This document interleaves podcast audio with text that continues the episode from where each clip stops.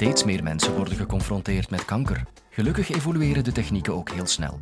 Oncoloog Philippe Lardon van de Universiteit Antwerpen vergelijkt de behandelingen van vroeger met kanonskogels, terwijl de middelen nu als het ware sluipschutters zijn geworden, die de kankercellen met één precisieschot uitschakelen. En is er nog meer hoop? Kunnen we over tien jaar elke kanker genezen? Dit is de Universiteit van Vlaanderen.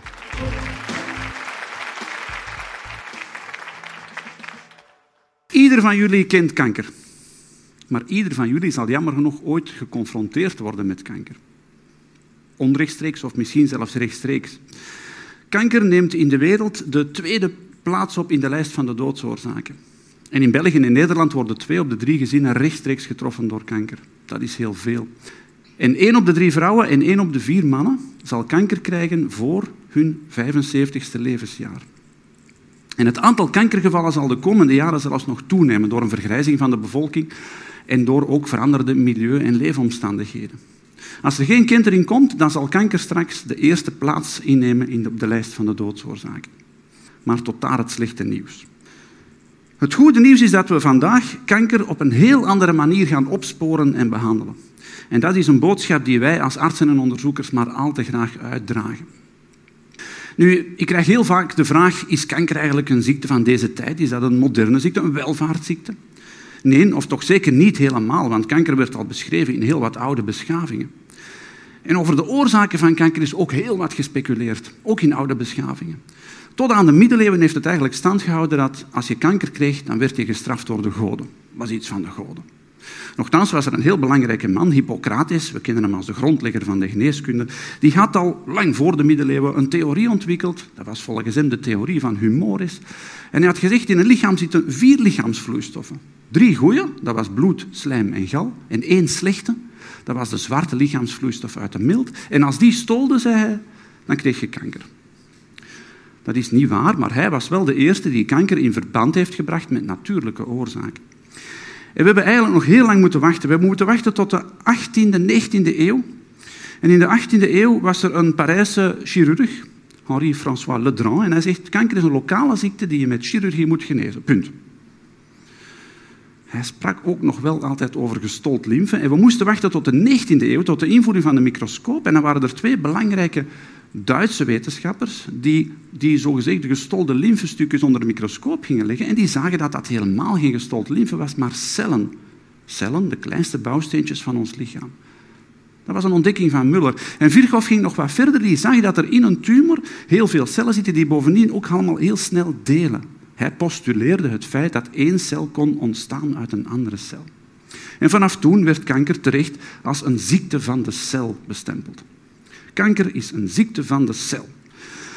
Als we dat willen begrijpen, moeten we natuurlijk heel goed weten wat een cel is. Ja, een cel is een bouwsteentje van ons lichaam, maar natuurlijk dat is niet helemaal een bouwsteentje zoals een baksteen van een huis of, of, of dergelijke. Nee, een cel is veel kleiner, 0,01 mm of nog kleiner, je kan het bij het blote oog niet zien. En een cel is iets ongelooflijk intrigerend. Dat is bijzonder klein en dat zit vol leven. Er zitten heel kleine orgaantjes in, organellen noemen we dat dan. Er zit een celkern in met al het erfelijk materiaal van je lichaam. En bovendien heeft men ook kunnen berekenen dat een volwassen lichaam ongeveer 40.000 miljard van die cellen bevat. Dat was heel interessant. Maar wat misschien nog boeiender is, is dat wij ooit allemaal vertrokken zijn vanuit één cel, een bevruchte eicel. En nu zitten wij hier allemaal met 40.000 miljard van die cellen. Dat was eigenlijk eenvoudig te verklaren. Dat was een celdeling. Eén cel, en dat noemen we dan de moedercel, die kan zich opsplitsen in twee nieuwe cellen. We noemen dat dan de dochtercellen. En die dochtercellen doen dat verder en verder en verder. En zo komen we aan 40.000 miljard cellen. Wetenschappers vonden dat super. En ook wij hebben eraan meegewerkt om dat helemaal uit te pluizen en in kaart te brengen wat er allemaal gebeurt. Want je moet niet vergeten, zo één cel vol van die organelletjes en erfelijk materiaal, moet dat eerst allemaal overschrijven om het daarna terug te brengen tot die twee dochtercellen. En dat is een immens moeilijk en complex proces. Er zijn meer dan honderd stapjes nodig om dat allemaal te doen. En dat gebeurt dus in u en mijn lichaam. En misschien denken jullie nu van, hm, interessant, maar ik ben volgroeid, bij mij zijn er geen delende cellen meer. Nou, dan denk je zo fout. Want de cellen in u en mijn lichaam leven niet zo heel lang. Uw rode bloedcel bijvoorbeeld in uw lichaam leeft ongeveer 100 dagen. Je hebt er zoveel, dus er moeten er ook heel veel bijgemaakt worden. En om u een idee te geven, op dit moment worden bij u en bij mij per seconde ongeveer 2,5 miljoen nieuwe rode bloedcellen gemaakt. Elke seconde opnieuw. Per seconde worden er honderdduizenden nieuwe longcellen gemaakt. Per seconde honderdduizenden nieuwe darmcellen. Als ik jullie binnen drie maanden terugzie, heb je volledig andere darmen. Al die cellen zijn vervangen.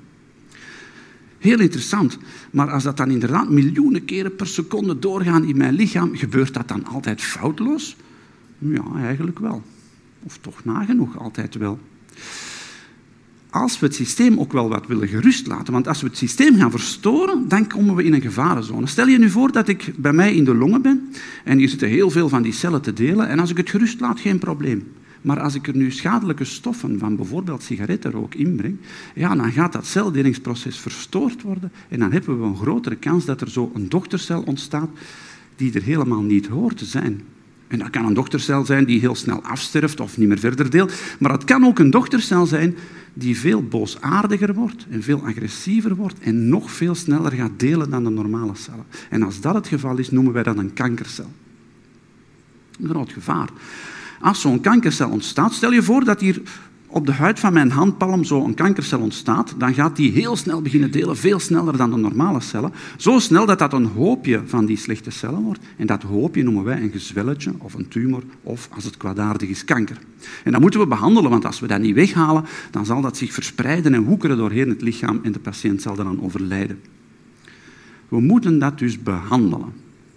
Uiteraard. Maar hoe gaan we dat behandelen? Wel, dan gaan we terug naar die 18e eeuw, naar die Parijse chirurg Ledrand. Die had gelijk. Hij had gezegd, een lokale ziekte, ik moet het wegsnijden met chirurgie. Dat klopt. En vandaag is chirurgie nog steeds een van de belangrijkste manieren om kankergezwellen weg te halen.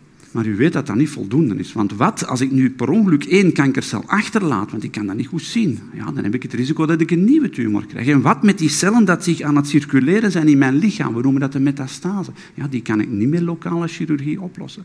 Dus we moesten een bijkomende therapie hebben en daarvoor ga ik mee, met u mee tot Wereldoorlog 2. En dan noem ik hier een geluk bij een ongeluk. Bij de chemische oorlogsvoering werd in Wereldoorlog 2 mosterdgas gebruikt. En na het gebruik van die mosterdgas kwamen er heel veel soldaten in de infirmeries binnen die een probleem hadden met hun bloedvormend systeem, een bloedarmoede. En men zag dat die hun bloedvorming verstoord was, dat er veel minder cellen deelden om nieuwe bloedcellen te maken. En dat heeft wetenschappers doen denken, aha, dus in die stof zitten derivaten, we noemen het dan stikstof-mosterderivaten, die eigenlijk de celdeling remmen, die de celdeling stoppen. Kan ik dat dan niet gebruiken om die snel delende kankercellen te gaan aanvallen? Jawel. En dat was de basis voor de chemotherapie. Chemotherapie noemen we eigenlijk ook wel eens cytostatica. En als u dat woord leest, dan ziet u cyto van cel en statica van stilliggen. Chemotherapeutica zijn celdelingsremmers. Prima, ik ga dat geven aan mijn patiënten met kanker. Maar wat ik niet mag vergeten is dat ook in een lichaam ook normale sneldelende cellen zitten. Weet u nog wel dat ik zei van de darmen, binnen drie maanden andere darmen, uw spijsverteringskanaal deelt heel snel, wordt dus mee aangevallen door die celdelingsremmers en patiënten krijgen misselijkheid, braken, diarree. De cellen van het bloedvormend systeem, heel snel delend. Patiënten krijgen bloedarmoede, worden sneller ziek. De cellen van de haarwortels zijn sneldelende cellen en lossen sneller hun haren. Je krijgt haaruitval. Dus dat heeft heel vervelende nevenwerkingen. Een andere geschiedkundig eh, figuur is Marie Curie, die de radioactiviteit ontdekt heeft. Die heeft ons ook een therapie gegeven om kanker te bestrijden eigenlijk. Zij heeft ondervonden, jammer genoeg aan de lijve ondervonden, dat radioactieve straling in staat is om snel delende cellen te vernietigen. Ook dat gaan wij gebruiken in de kankertherapie. En dat zijn de bestralingen of de radiotherapie. En dan noemen we die drie therapieën samen, dus de chirurgie, de chemotherapie en de radiotherapie, noemen we de conventionele of de klassieke therapieën, die we vandaag allemaal kennen. En daar genezen wij vandaag ongeveer 60% van de kankerpatiënten mee. En dan kan je zeggen, ja, dat is goed, maar de pessimist zegt natuurlijk, ja, maar 40% genees je niet. Wij kunnen die wel behandelen, maar we kunnen die inderdaad niet genezen. En wij willen dat cijfer natuurlijk enorm snel omhoog trekken. Dat is onze bedoeling, dat is onze kwestie. Dan kan je zeggen, ja, hoe ga je dat nu doen? Ga ik nog nieuwe chemotherapeutica vinden? Nee. De chirurgie staat aan top. Er zijn robots die op de kleinste plaatsen kunnen chirurgie doen. Uh, de radiotherapie, de ingenieurs hebben ons fantastische bestralingstoestellen gegeven die op een millimeter nauwkeurig kunnen bestralen. Dus er zal geen echte verbetering meer zijn. Dus als ik die 60% wil verhogen, moet ik iets anders doen. En mag ik even heel oneerbiedig chemotherapie vergelijken met een kanon en een kanonskogel waarmee ik op een kankercel schiet. En ik zal die kankercel wel hebben, maar al de omliggende normale cellen worden meegetroffen. De collateral damage is enorm hoog. Ik wil dat niet meer. Ik zou graag vanaf nu een sluipschutter willen gebruiken waarmee ik op één enkele kankercel kan schieten. Dan kan je zeggen van, ja, had je daar nu twintig jaar geleden niet mee af kunnen komen met dat idee? Wel, ja, misschien wel, maar twintig jaar geleden wist ik nog niet zo heel veel van die kankercel. Ja, dan wist ik dat het een snel delende cel was, veel meer niet. En dan moest ik mij met celdelingsremmers gaan bezighouden. Maar vandaag weten we zoveel meer.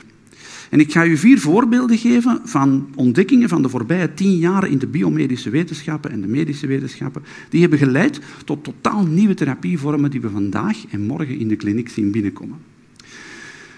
Ten eerste, wij hebben ontdekt dat een cel op de buitenkant van de cel heeft dat een aantal receptoren. U ziet hier die receptoren. En die receptoren dat zijn een soort ontvangertjes. En die ontvangertjes, wat kunnen die ontvangen? Bijvoorbeeld groeifactoren. En als een groeifactor in de omgeving zit, dan wordt dat via dat ontvangertje, via die receptor naar binnen gebracht in de cel. Daar krijgt de cel groen licht en ze mag beginnen delen. Dat is prima, een normale cel. Maar nu hebben we gezien dat kankercellen, en bijvoorbeeld ook borstkankercellen, die gaan, slim van die kankercel, heel veel van die receptoren op de buitenkant zetten. Zoveel dat het minste groeifactor in de omgeving voldoende is om de cel groen licht te geven. En dat heeft zijn voordeel, dat kan ze veel sneller delen. Maar wij zijn slimmer geweest. Wij hebben nu een geneesmiddel ontwikkeld dat zich bindt op die receptoren. Het lijkt heel erg op die groeifactor, kankercel weet dat niet. Het bindt zich op de receptor, maar daardoor kan een groeifactor niet meer binden op die receptor. En natuurlijk, ons geneesmiddel zal geen groen licht geven, geeft geen signaaltje. Dus wij blokkeren die receptoren zodanig dat de kankercel geen groen licht meer kan krijgen, ondanks dat ze heel veel van die receptoren heeft.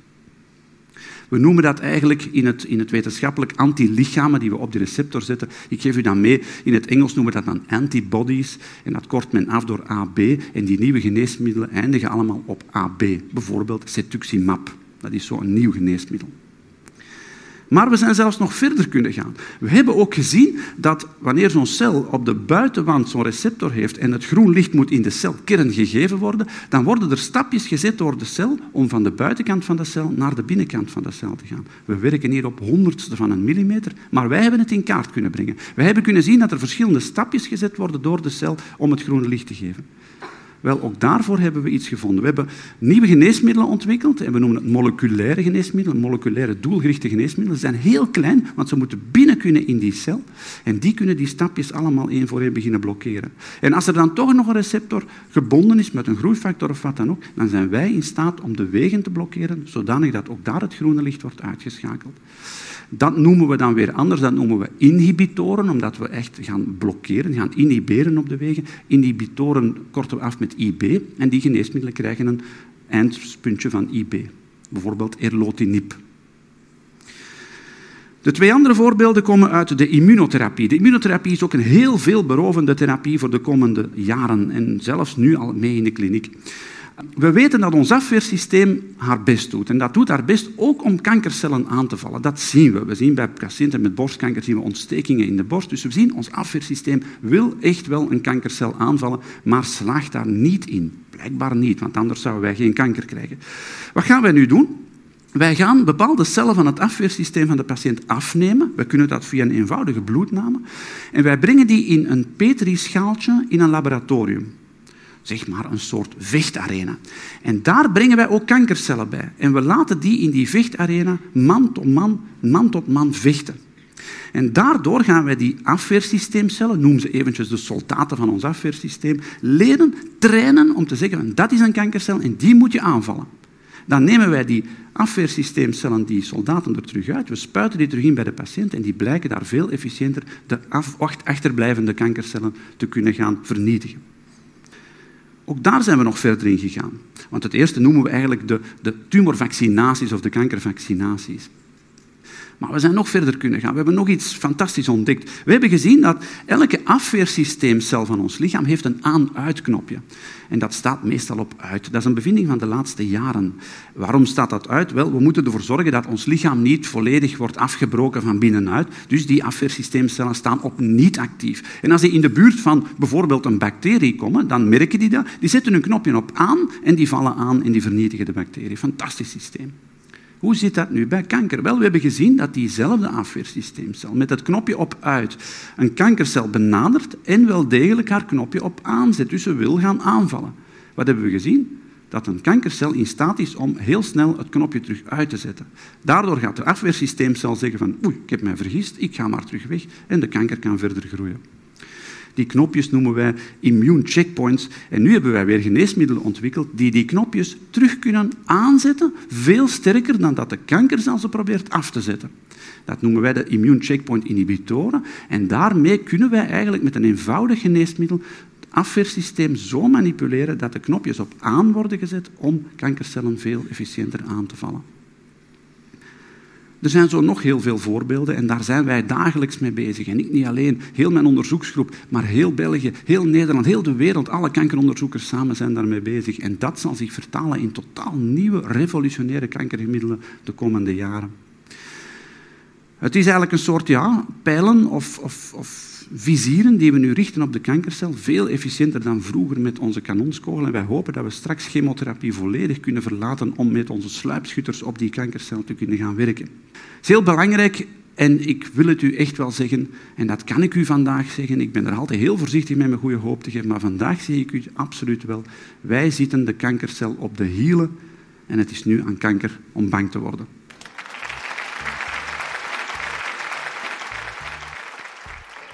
Nog meer bijleren? Elke dinsdag en vrijdag komen er nieuwe colleges bij in onze podcast. Je vindt ze op iTunes, Spotify, knak.be en radio1.be.